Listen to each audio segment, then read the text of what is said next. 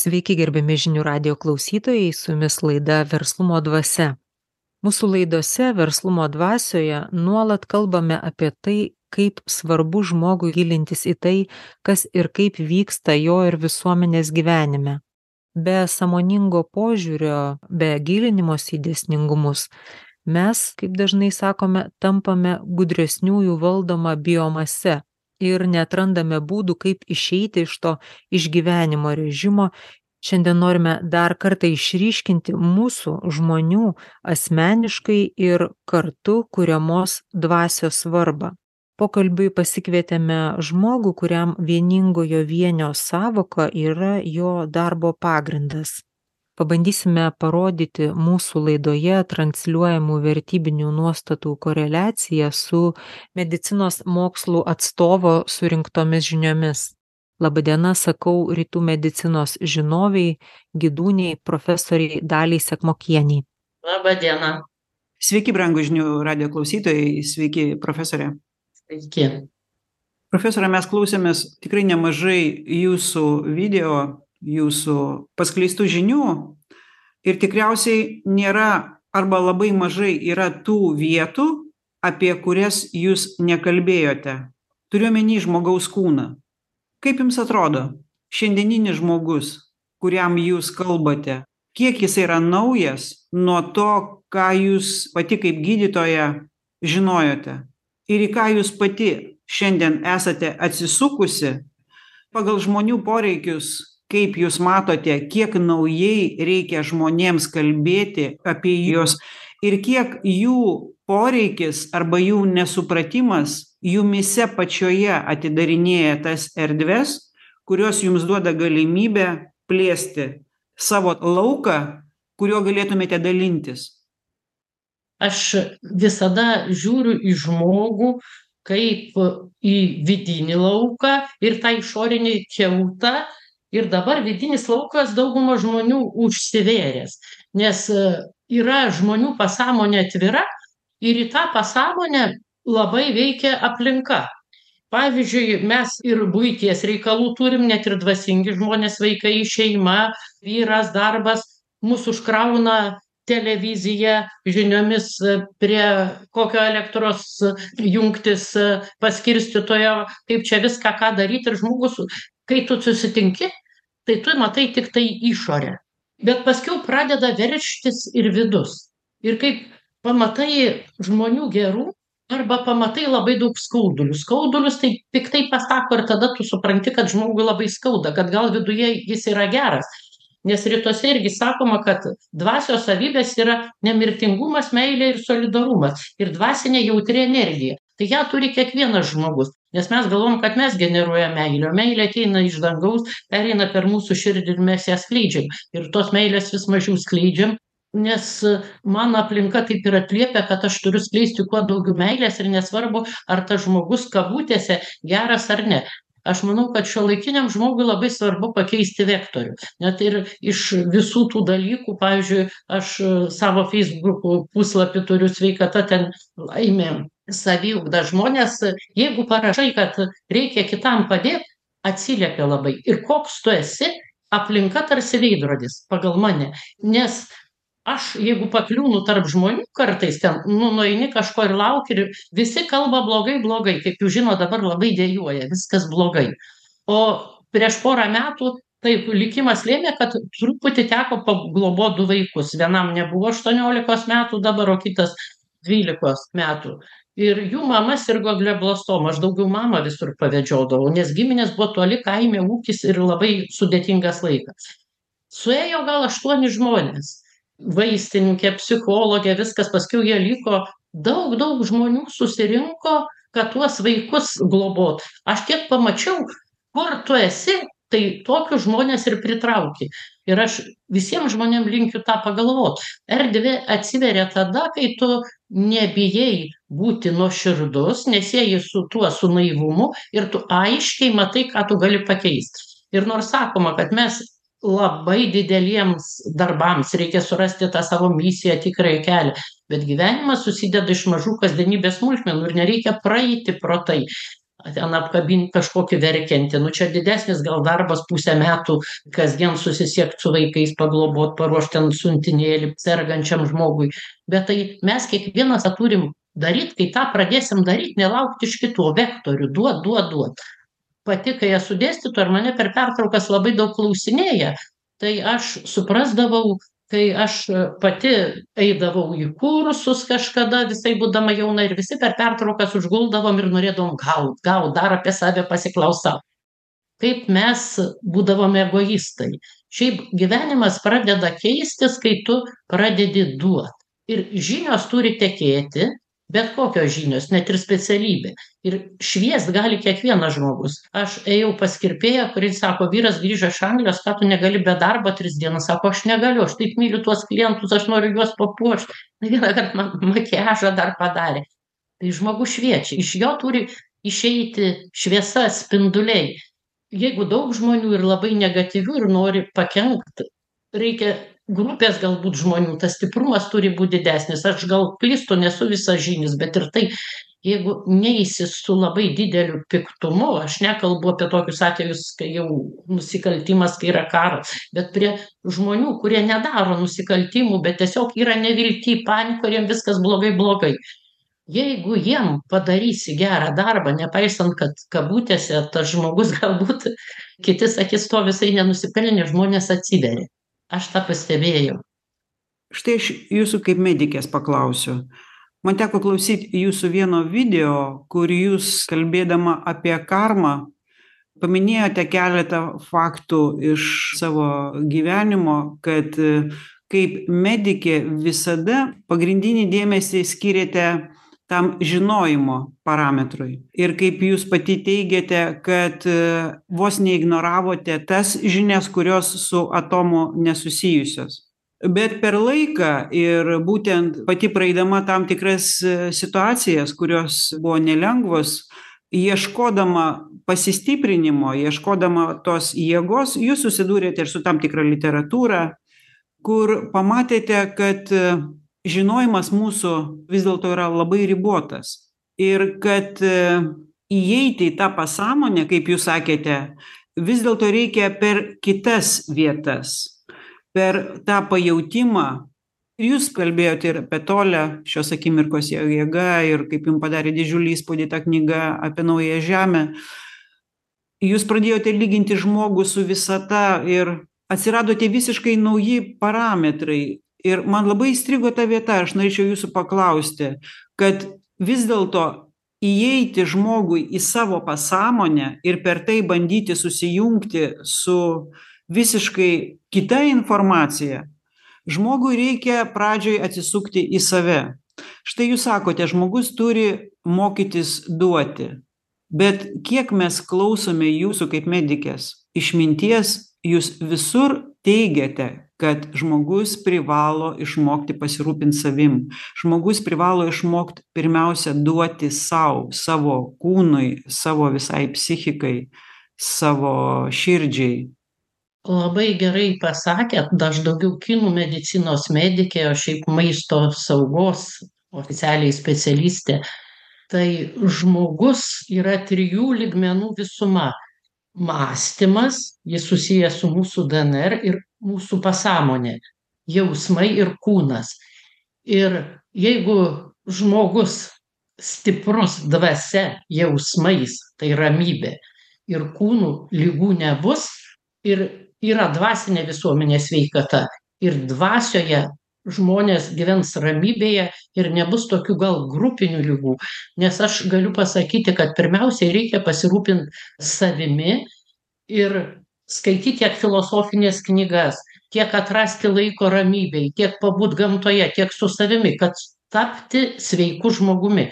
Klasikinė medicina gydo tiktai kūną ir dar pakartosiu jeigu kūnui laikinai geriau tai nereiškia kad žmogus pasveiko reikia gydyt ilgai visą žmogų. Jausmus ir mintis pasąmonė. Mintys per pasąmonę mes esam atviri ir įsijungiam į bendrą žmonijos lauką pirmiausia šeimos lauką giminės tautos o paskiau bendrąjį energoinformacinį lauką visos žmonijos. Ir mus suteršia ne tik tai kas į mus įeina materialiu pagrindu nu tai aišku galim ir nusinuodyt maistas viskas bet kas mus išeina tai ką mes žodžiu pasakom ar netgi mintimis pagal kinų mediciną pasiekia tą energoinformacinį lauką tą visumą ir gali nueiti į kitų žmonių pasąmones ir jiem atrodys kaip kad tai jų mintis. Ir todėl jeigu aš pats esu nesveikas mintyse jeigu taip galima išsireikšti jeigu aš esu pesimistas toks pavyzdys jeigu aš mėgstu visur visur stebėti tik kas neigiama ir pasakyti tik kas neigiama nors šiaip darau gerus darbus tai aš pasakau pastebiu ir tas kaip ir infekcija siejasi. Visų pirma mano šeimos nariai mano kolektyvas irgi pradeda pastebėt ir kalbėti apie tuos neigiamus dalykus. Jie jau nebepastebi tų dešim gerų dalykų pastebi tą vieną kuris tą dieną atsitiko ar visuomenėj ar kitur. Ir nesimobilizuoja kad padaryt gerus darbus. Geri darbai irgi yra tarsi sėklos. Ir jeigu tu juos pastebi tu nori juos daryti karma nėra tiesiogiai suprantamas galbūt kaip blogų veiksmų atoveiksmis nes tie blogi dalykai energoinformacinėj erdvėj gali išsisklaidyt giminėje ir gali materializuotis per vieną žmogų. Štai mes neturime galvoti taip labai paprastai kad tai tiesiog aš nusidėjau ir už tai gausiu kažkokią ligą ir taip toliau. Yra labai sudėtingas procesas ir pavyzdžiui būna ir tautos karmos kai labai daug žmonių arba kažko nekenčia ir taip toliau ir tai išsilieja tiesiog labai labai blogais dalykais. Ir aš manau kad mes lietuvoje turim galimybes tarsi atgimti nes visada sakau kad mūsų aukštesnės jėgos apdovanojo mūsų tautą nes jeigu tu nakvojai po stogu ne kažkur po griuvėsiais turkija ukraina be bombų turi pakankamai geriamo vandens mes vienas pirmųjų pasauly pagal geriamo vandens kokybę iš maisto saugos moku skaityti rašyti turiu protą turiu minų nenutrauktas rankas ir nors kartą per dieną sočiai pavalgiau tai aš esu labai privilegijuotas. Dabar pasakykit kiek iš mūsų visa tai įvertina kiek supranta kad turim nepaprastai gerą poziciją galima pasakyt rytietiškai gerą karmą kad mum labai pasisekė. Ne mes vis tiek dar norim. Profesore tai pabandykim ties ta vieta sustot. Štai jūs išvardinote daugybę parametrų kad mes galėtume pradėti džiaugtis. Juo labiau kad žmogus gyvenimą priima lygindamas vieną su kitu. Mes taip susirenkam informaciją mes taip kaupiame žinias lygindami sverdami būdami tame nuolatiniame dualume. Ir štai visa informacija kuri mus eina ir mūsų kultūrinė patirtis mums rodo kad arba mes turime būti naudingi arba kiti mums turi būti naudingi. Žodžiu kad mes galėtume naudotis kitaip ir kurti kažką tai kas mane tarkim pakeltų aukščiau kitų. Tų nukrypimo formų yra labai daug. Aišku jos yra visos būtinos tie skirtumai visi nes mes per juos evoliucionuojame. Bet štai jūsų pasakyta mintis tam kad galėtume duoti kitiems dalintis mes turime suvokti savy kas mes tokie esame kad galėtume džiaugtis tomis sąlygomis kuriose esam. Nes juk kuo mes galime dalintis? Tai ta savo būsena. Mes turim į kitą žmogų kad neieškotumėm naudos pagalvot ar jis subjektas ar objektas. Visų pirma žmogus yra dvasia. Ir yra labai gera išmintis kad mes turime būti ne didesni už nusikaltėlį bet ne mažesni už šventąjį. Tai reiškia nesmerkim nežinodami kitų žmonių kodėl jis nusidėjo gal jis užaugo tokioj bet negalvokime kad mes galim taip elgtis o ne mažesni už šventąjį kad pasižiūrėkim iš jų gyvenimo ir gyvenkim taip. Ir kodėl mes savyje atrandam tas vidines jėgas ir mes galim duoti už tai kad žmogus yra dvasia ir kiekvieno žmogaus gyvenime be to ką jis turėtų pasiekt aš kartais klausinėju studentų ką baigę jūs norėsit daryt ir pasiekt? Tai ten į tokią šalį važiuot butą gaut nusipirkt ruošiasi tuoktis vaikus. Labai retai kas pasako dvasinio gyvenimo idėją. Kad aš turiu kažkokią misiją ir aš talentą kuris man duotas. Juk aš pavyzdžiui dalia sekmokienė nepasirinkau kad aš gimiau tais metais molėtuose mokytojų šeimoj su tokiais gabumais moters ryškios lyties. Visa tas duota ir talentai man duoti ir jeigu aš juos realizuoju tai aš einu geru keliu ir aš tikrai galiu duoti. Antras dalykas jeigu žmogus jaučia didelį nepasitenkinimą kas duoda pasitenkinimą? Tai va etskartolė šių laikų išminčius pasakė tikroji laimė niekada neateis pas jus nei per jokį žmogų mes galvojam sutuoktinis čia atneš arba viršininkas nei per darbą. Pasitenkinimas neateis per kitus žmones per pasiekimus per kažkokius daiktus įgytus. Nes tikroji laimė ir tai kas esam mes yra viena tai yra gyvybė pulsuojanti mūsų kūne mes turime įsijausti į save pajausti kad mes esam pašaukti. Pašaukimas jeigu gimėm tai ir esam pašaukti ta gyvybė pulsuojanti mūsų kūne leidžia mum veikt ir mes tam turim idealias sąlygas mes esam pašaukti ir turim kažką nuveikt tiesiog susijunkim su tuo savo pašaukimu pajuskim kad mes esam gyvybė esam dvasia ir tada daug problemų nueis į šoną ir va šios akimirkos jėga kiekvieną minutę mes esam vis kitoje situacijoje ir tiesiog kūrybiškai per vidinę intuiciją vidinį lauką mes turime pajausti. Tas vidinis laukas yra pajauta ir ką turim nuveikti ir pajauta kitų žmonių. Gali žmogus šypsotis o jeigu mes turim tą pajautą intuiciją mes matom kad jis yra nuliūdęs kad jis yra sielvarte tiesiog tai yra vidinės intuicijos dalykas tą turi kiekvienas žmogus jeigu jis neturi didelio ego rytų filosofijoj skaitosi kad jausmai turi būt nufiltruoti jeigu žmogus ramybėje tai paprastai jis ir neturi didelio palinkėkime viena kitiem ramybės sakoma ir krikščionybėje. Ir tada labai žmogus gerai veiks ramybėj pamenat kaip sulamita paklausė karaliaus saliamono? Sako mano karaliau ar tiesa kad kadagio uogos labai padeda meilei jisai jai atsakė kad ne meilei labiausiai padeda meilė. Jūs kelis kartus pabrėžėte kad mes turime tokias sąlygas gyventi. Jūs taip pat kelis kartus užsiminėte laidoj kad mes turime savo kūną per kurį mes galime reikštis per kurį mes galime dalintis. Jūs kaip dėstytoja kaip gydytoja akivaizdžiai matote kad mes visi žmonės tą kūną savo ir savo gyvenimą priimam kaip savaime suprantamą dalyką kad tai priklauso kad pasaulis gyvena dėl mūsų ir jis turi mums sudaryti sąlygas. Kas jums yra švara? Jūs daug kalbate apie švarą apie maisto švarą apie vandens švarą apie mažiausios žolytės ten sėklytės švarą ir naudą mūsų organizmui. Dabar jūs kalbate apie jausmų švarą apie minčių švarą. Jūs kalbat apie tą holistinį požiūrį kad viskas mumyse veikia tam kad mes galėtume dalintis. Ir vis dėlto stabtelkim dar kartelį prie šitos vietos. Švara. Kaip mums pradėt eit į tą pradžių pradžią į tą savęs pajautimą per švaros pojūtį.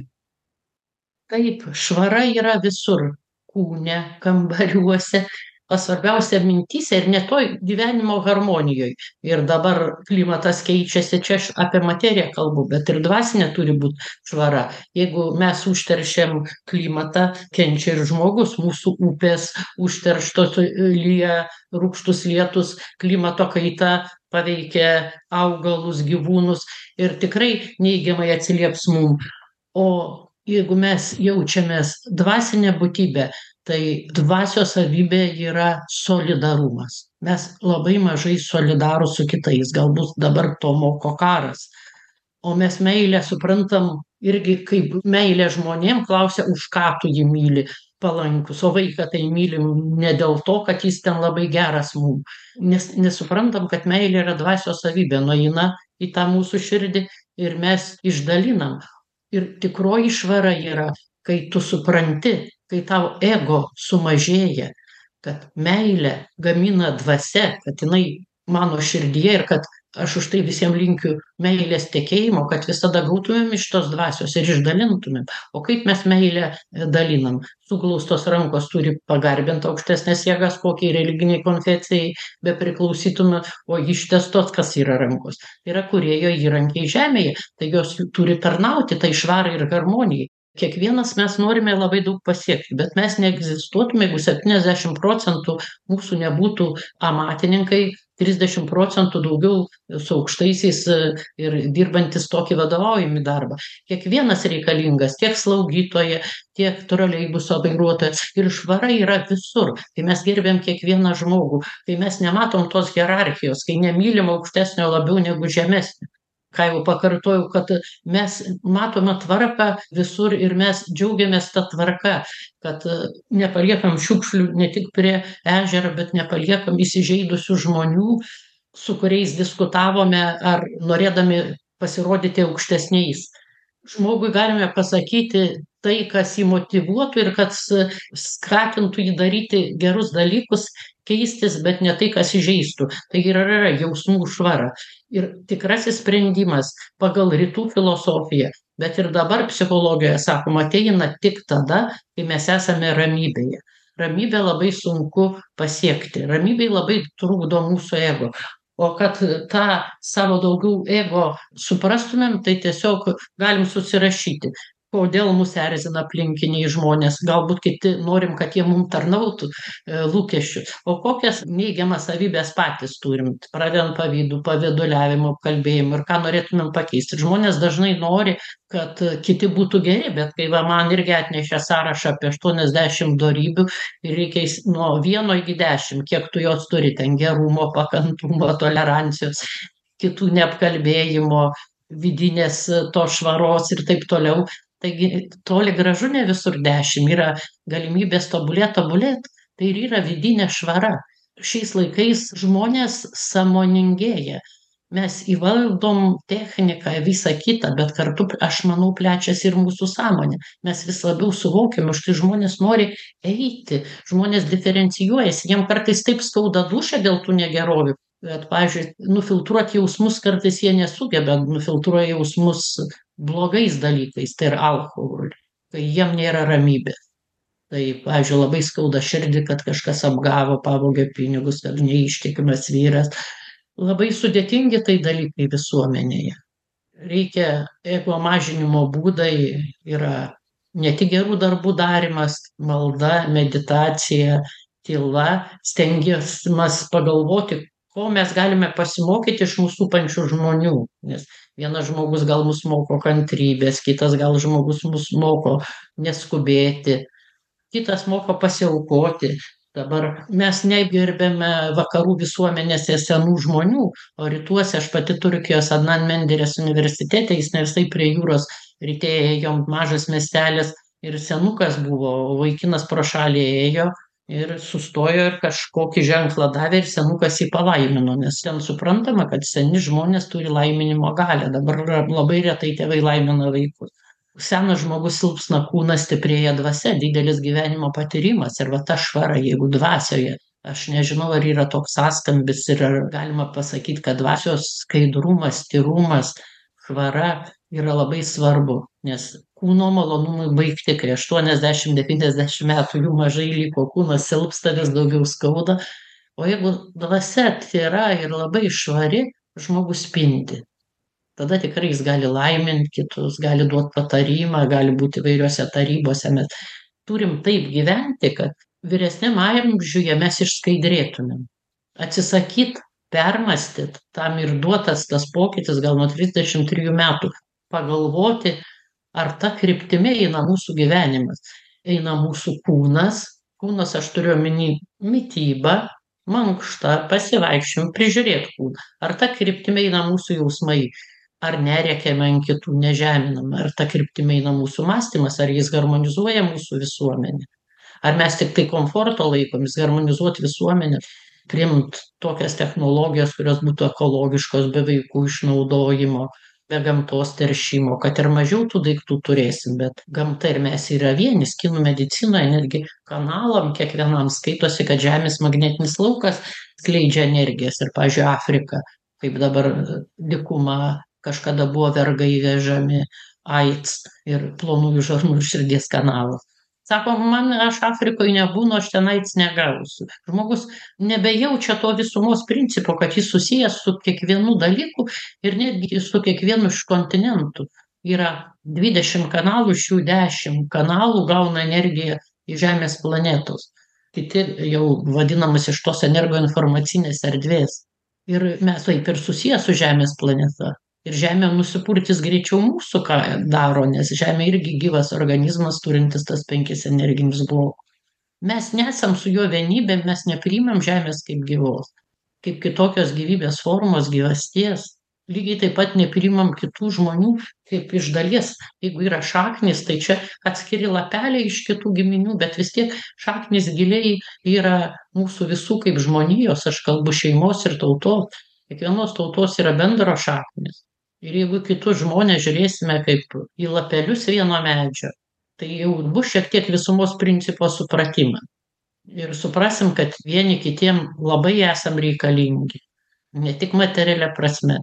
Ir tikrai žmonės buriasi aš esu buvusi ten rasos šventėse dabar tai tikrai be alkoholio visi senovinės papročiai augmenijos pagerbinimas viskas yra dalis žmonių kur labai dvasioje pajunta tą ryšį ir iš mokslo pozicijų galiu pasakyt kad kai domėjausi kinų medicina tai ten buvo labai sudėtingos schemos aiškinamos bet kartu ir moralės normos. Ir rašė kad visos moralės normos reikalingos tam kad neatsirastų dnr pažeidimų mūsų genomo pažeidimų. Nors to anksčiau nebuvo suprantama tai buvo kaip moralės normos išdėstytos. Taip kinų medicinoje mintys mąstymas noras bet kokia kaina virš kitų naikinant kitus nebūtinai fiziškai morališkai iškilt virš jų tai yra sukelia mūsų dnr pažaidus ir jeigu mūsų mintys bus švarios tai ir dnr pažaidų daug mažiau bus. Dėkoju pašnekovei ir prašau trumpam stabtelti o jūsų mieli žinių radijo klausytojai po pertraukėlės laukiame antroje laidos verslumo dvasia dalyje. Gerbiami žinių radijo klausytojai grįžtame į laidą verslumo dvasia antroji dalis. Pirmąją laidos dalį baigėme mintimi kaip svarbu rūpintis ne tik savo kūnu bet ir jausmais mąstymu ar jie harmonizuojasi su supančia visuomene su gamta nes kaip pabrėžia mūsų pašnekovė rytų medicinos žinovė profesorė dalia sekmokienė gamta ir žmogus yra vienis. Ji pastebi kad žmogus tos vienovės nejaučia ir iš to kyla daugybė problemų pradedant sveikata ir baigiant gamtiniais ekologiniais ekonominiais kataklizmais čia pašnekovė dar kartą patvirtino mūsų laidoje nuolat iškeliamą mintį ir dar pateikė labai svarų mokslo atradimą.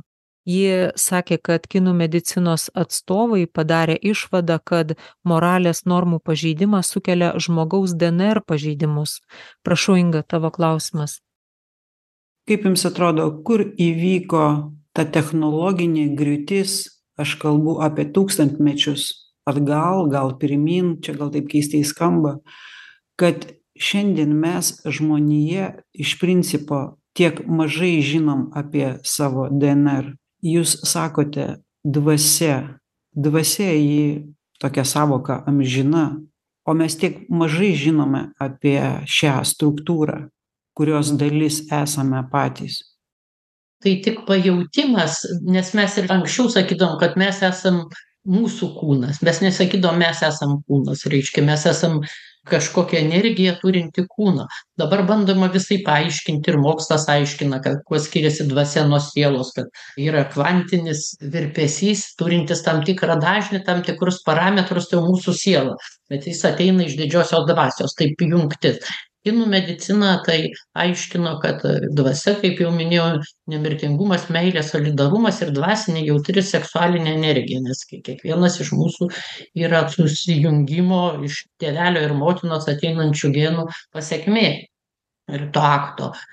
Kai aš sakau solidarumas ir meilė aš vėl prie to pačio galbūt grįžtu bet kitu kampu kad labai svarbu neprarasti to solidarumo ir bendruomeniškumo jausmo. Kai jis buvo prarastas bendruomeniškumo jausmas ir nebūtinai religinės bendruomenės mes anksčiau nežinom kokios būdavo bendruomenės. Aš tik žiūrėjau filmą apie tuos amišus ir juos dabar išleidžia į pasaulį vaikus nuo aštuoniolikos metų ir apie du trečdaliai jų grįžta nes bendruomenėj jie materialinių tų vertybių neturi ką turi pasaulis bet turi tą bendruomenę tą dvasią ir kodėl žmonės nueina aš manau į sektas už tai kad ten kaip ir apgaulė kaip ir kičas bet vis tiek tas bendruomeniškumo jausmas kartais stipresnis negu buvo kažkokioj ar asocialioj šeimoj arba nuėjus į darbovietę buvo stengiamasi kad kitas per jo galvą liptų ir pažįstamas ar ne pas mus dažnai tokie yra reiškiniai ir tada žmonės nesijaučia kolektyvo dalim kaip japonai. Mane labai įkvėpė japonijos patirtis kad rusų tautybės buvo gidė labai seniai su japonu gyvenusi ir persimusi tą kultūrą ir sako mes galėtumėm ir geresnį butą mašiną bet mes tada turėtumėm išeit iš tos bendruomenės nes įžeistumėm kitus. Nereikia gundyt kaip sakoma kitų savo turtu. Ir stengiasi žmonės vieni kitiem padėt mes turim turėti tą bendruomeniškumo jausmą galbūt japonai ir už tai išsikapstė ir nuo hirošimos nagasakio nuo fukušimos jiem nenori net tos bendruomenės palikt dabar jie keliauja viską jiem labai yra gerai toje bendruomenėje. Kas svarbiausia va kaip sakėt ta švara minčių jausmų kad ir pas mus ar ten pamiršti skėčiai viską viskas sugrįžta žmonės labai atidūs ir rūpestingi vieni kitiem ir vagysčių nėra. Devyniasdešim devyni procentai gal suradę daiktus atneša. Tai mes tuo labai domėjomės.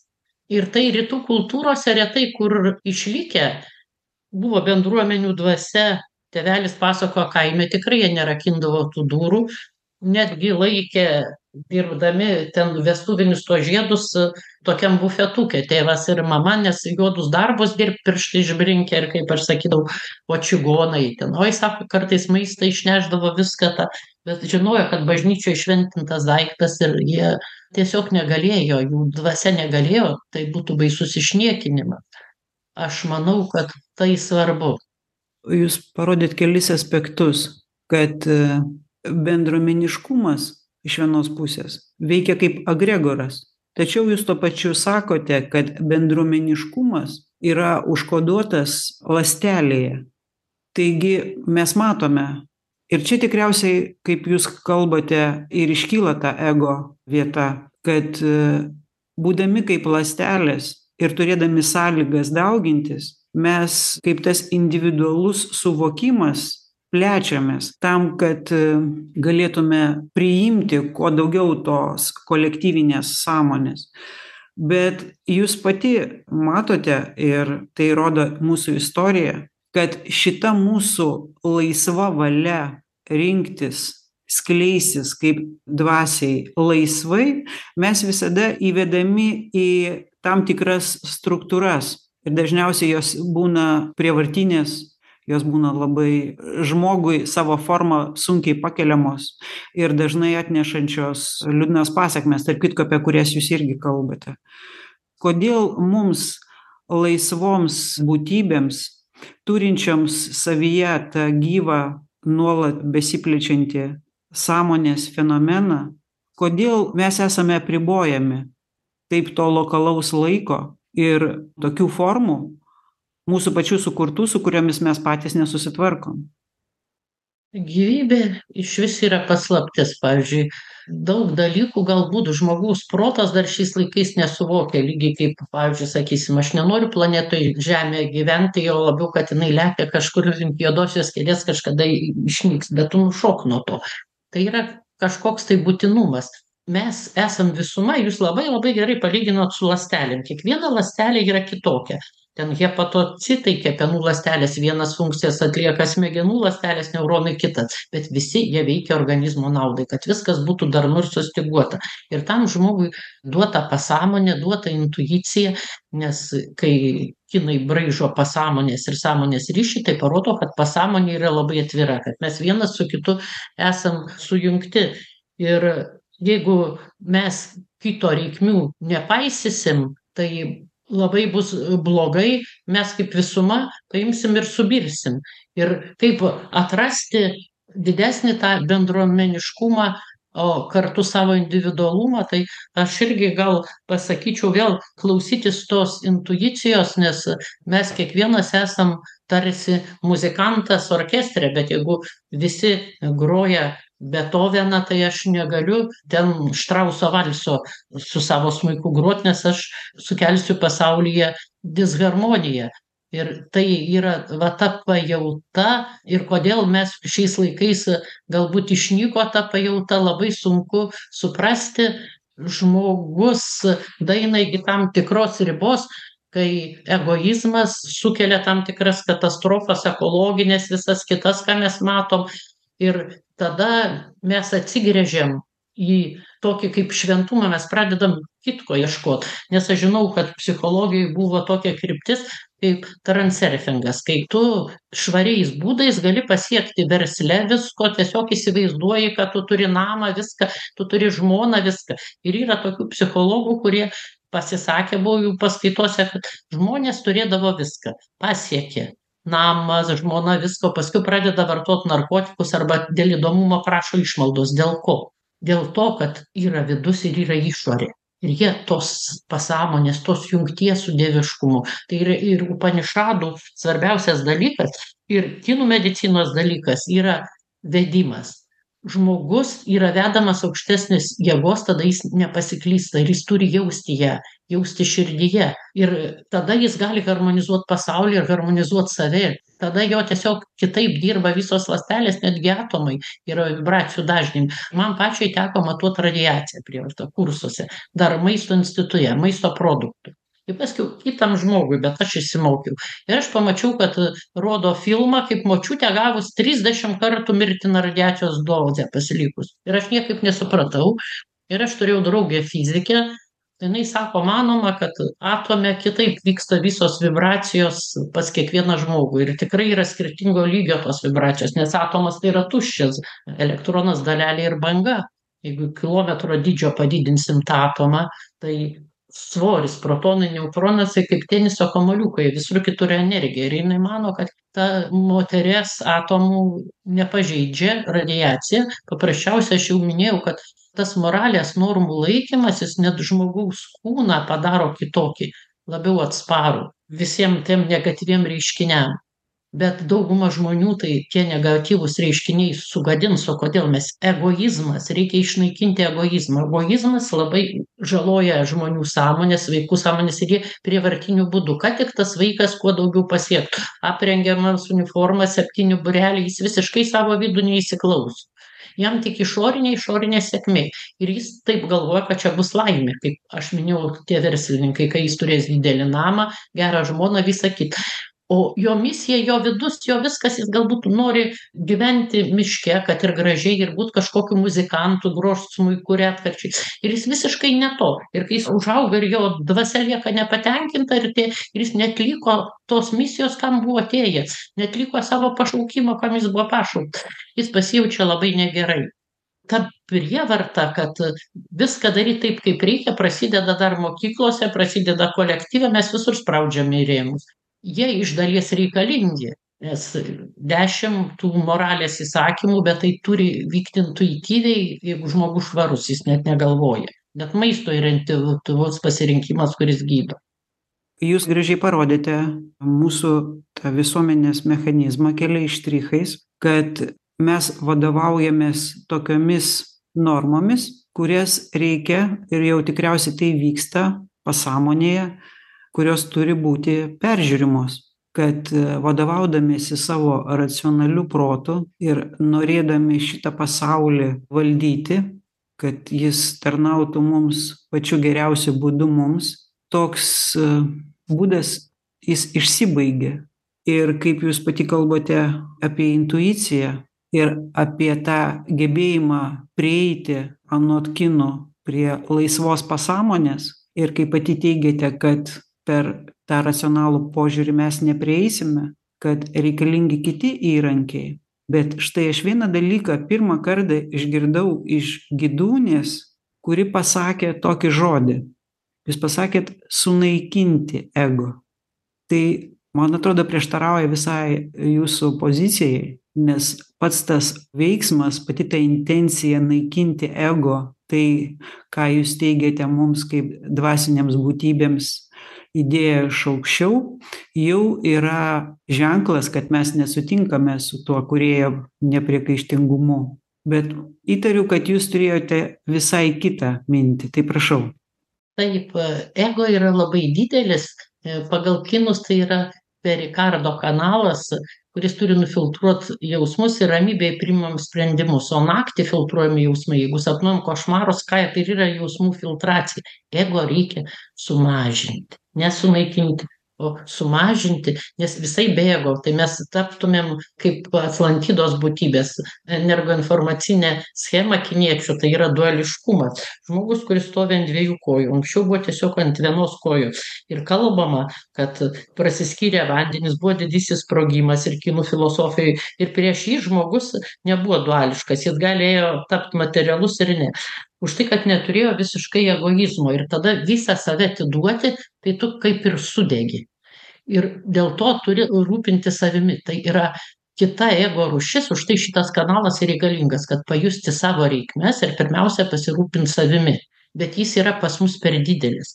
Induistai irgi sako kai teka stuburo energija kaip ir kiniečiai tumai kanalu teka energija tai stuburu tas pats ir indai ir yra tai ką mes jaučiame intran kinų medicinoj intuicija pojūtis pas indus trečioji akis. O kodėl pas mus mes neturim tos labai didelės intuicijos nes ego per didelis. Ir jeigu lieka tarpelis tas kai mes vis dėlto ne savo reikmes o mokam surast optimalų santykį tarp savo mano kiek man reikia ir kartu pasirūpint kitais ar tiktai šeimoje jeigu šeima harmoninga.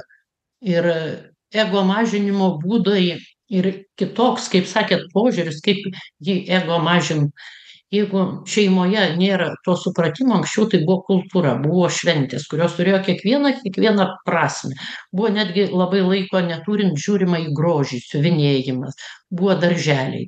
Menas gydo mažina ego net tie smurtiniai filmai.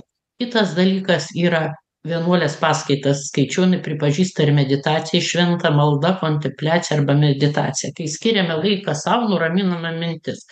Yra žinios dviejų rūšių. Vienos tas kurios reikalingas mūsų amatui tai jos horizontalios. Mes mokomės mokomės klausom o pabuvimas tyloje tai padarymas stiklinės tuščios to mūsų indoj kuri gali ateiti kitokios žinios. Tai yra kitas žinių priėmimo būdas. Ir netgi mus dėstytojus apmokė pasakė kad egzistuoja ir kitas žinojimas kai mes išeinam iš tų rėmų. Tai aš supratau kad irgi pripažįstama tas pabuvimas tyloje gamtoje nebūtinai meditacija pasėdint ant akmens į upelį kojas. Ir mes tarsi prisipildom vertikaliom mintim. Ir staiga vach impulsas. Ir aš suprantu kad turiu vieną ar kitą dalyką padaryt man pasakojo tikrą dalyką. Šnekino draugas draugą negert negert o turėjo tokią muzikos parduotuvę tai buvo daug anksčiau. Pardavinėjo ten visokius tuos diskelius kaip buvo mada ir atėjo vienąkart labai ilgai sėdėjo klausė klausė ir sako žinai man kažkas tai pasidarė nu ir paskiau jis bendrauja žiūri tas negeria. Sakė man nuo to laiko kažkas cvaktelėjo smegenyse ir aš nebegaliu gerti nebenoriu. Žmogus prisijungia prie kažkokio dažnio. Ir mes nežinome kas įvykdys tą pokytį mūsų dvasinėse plotmėje bet nuo seno aš esu buvus kai kinų mediciną mokiausi ir šamanizmo seminare tas užmiršta bet čia jau pamatymas kitų žmonių pasąmonės bet buvo menas gydo. Menas gydo ir netgi mes lietuviai ruošiam programą tai bitute pilkoji išvedėm ir kitus ir du gaideliai kad kiekvienas menas gydo kad terapija kad tu eini į tą būseną tai yra juokas ramybė. Kinai turi dar vadinamą jan būseną kurioje atsiranda tikrasis supratimas. Šitoj būsenoj žmogus yra džiugus ramus nėra hierarchijos vienodai priimamas bet koks žmogus nėra piktumo ir tą būseną patiria žmonės jiem duota pati gamtos jeigu jie nėra perfekcionistai ir būtinai kaip lietuviai darbas ir miegas darbas ir miegas. Jeigu eini į gamtą tai būtinai ne į žvaigždes žiūrėt patirsi ne į saulę ten žiūrėt o būtinai uogaut grybaut šitos būsenos patyrimui buvo duotas sekmadienis sakė sekmadienį švęsk kad nedirbt patirk visose tautose yra laikas skirtas tai būsenai. Ar tai švenčių metas bet tai jos būtų ritualinės be alkoholio. Ir jos turi labai gilią gilią prasmę arba pabuvimas su gamta. Ir tada tas įvyksta pokytis. Mes sustojome ties ta būsena. Mes kalbėjom ir apie švarą mes kalbėjom ir apie virpesių rezonansą apie šitą dėsnį jūs užsiminėt. Kaip jūs matote tą kelią jeigu galėtumėt per savo patirtį kad dėka šitų dalykų to jausmo mumyse atsiveria širdis? Koks tai yra vidinis veiksmas kad mumyse tai įvyksta? Yra du keliai mano subjektyviu požiūriu aš labai domėjausi tėvo stanislovo fenomenu ir ačiū dievui kad du kartus mačiau jį gyvą ir bendravau ir visa kita ir paskiau nuveždavau ir jis ateidavo kažkokie narkomanai sakydavo kaip blogai kaip tau skauda kaip tau gyvenimas tave sutrypė. Kartu va dirbsim pagyvensi pavalgysim ir žmogus jo pasąmonė apsivalydavo jeigu tau reikalingas mokytojas tai jis atsiras. Žodį mokytojas galbūt aš sakau dvasingas paprastas žmogus kaip orvidas ten irgi pasigydavo kaip tėvas stanislovas tai vienas kelias. Kitas kelias yra proto kelias ir apmąstymų kelias kaip aš sakiau prisijungimas prie šviesesnės gražesnės bendruomenės kuri turėtų kažkokį tai tikslą vienas kitą pagelbėtų ir tas gėrio skleidimas gėris irgi turi tam tikrą energiją noras padaryti noras būti švaresnėje bendruomenėje yra labai labai galingas veiksnys. Kiekvienas žmogus jo energija irgi pagal kinų mediciną ji vadina saulė šviesa kiekvienas žmogus šiek tiek tai šviečia jis apšviečia ir kitų žmonių pasąmonę ir kaip aš sakau kiekvienas žmogus kuris yra šviesesnis tai yra tarsi žiburėlis tamsoje pasiklydusiam žmogui. Tiesiog reikia eiti ieškoti. O iš ko galima pajaust padaryti išvadą kad širdis yra atsivėrusi? Žmogaus galima paklausti bet ko jeigu kito žmogaus širdį. O pačiam nėra baimės prieš kitus žmogus ko jis bepaklaustų tau pasisakyti. Netgi tai kas atrodo skaudu ir gėdinga kad tu gėrei kad tavo vaikas gėrė. Ir tiesiog ramybė ateina ramybė kaip bažnyčioje. Jeigu ramybė aš žinau aš pasiduodu vedimui aukštesnės jėgos ir mano siela pasveiks. Ir aš nuo šiol klaidų nebedarysiu ir pareikš savo ketinimą tai yra pakeist vektorių nuo šiol aš būsiu švieselė tam pasiklydusiam tamsoje ir lietuje Dėkojame mūsų pašnekoviai daliai Sekmokieniai už tai, kad padeda mūsų laidai rūpintis visuomenės samoningumo ugdymu. Mėly žinių radio klausytojai, su jumis buvo laida Verslumo dvasia. Iki kitų susitikimų.